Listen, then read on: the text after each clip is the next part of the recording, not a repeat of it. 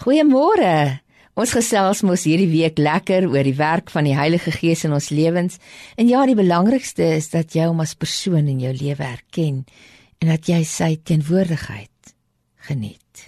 Handelinge 16 vers 6 sê: "Hulle het daarna deur die streke van Frigië en Galasië gereis, omdat hulle deur die Heilige Gees verhinder is om die woord op daardie stadium in die provinsie Asië te verkondig."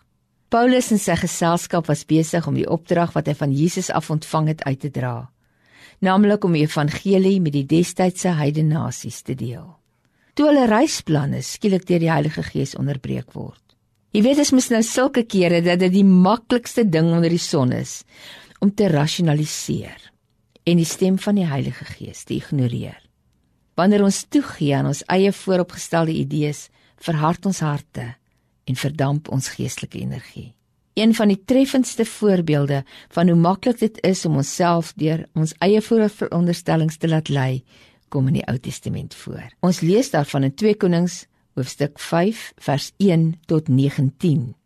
Maar ek wil hê jy moet veral fokus op vers 8 tot 14. Daar's nie tyd om dit nou alles weer te lees nie. Sal jy dit vanaand gaan lees? 2 Konings 5 vers 1 tot 19. Naaman, 'n offisier in die Siriëse leer het melaatsheid gekry. En hy het by 'n slawe dogtertjie in sy huishouding gehoor van die groot profeet in Israel, deur wie die God van Israel wonders en tekens doen. Hy het besluit om Elisa om hulp te gaan vra, maar homself vervies vir die profeet se eenvoudige raad: "Gaan was jou 3 maal in die Jordaan." Dit het Naaman kwaad gemaak. God het nie aan sy verwagtinge voldoen nie. Naaman het amper sy Godgegewe genesing prysgegee, omdat Sirië ook groot riviere het en die opdrag nie vir hom sin gemaak het nie. Hy het 'n kragtige woord, 'n magtige daad van die profeet van God verwag in 'n een eenvoudige opdrag gekry.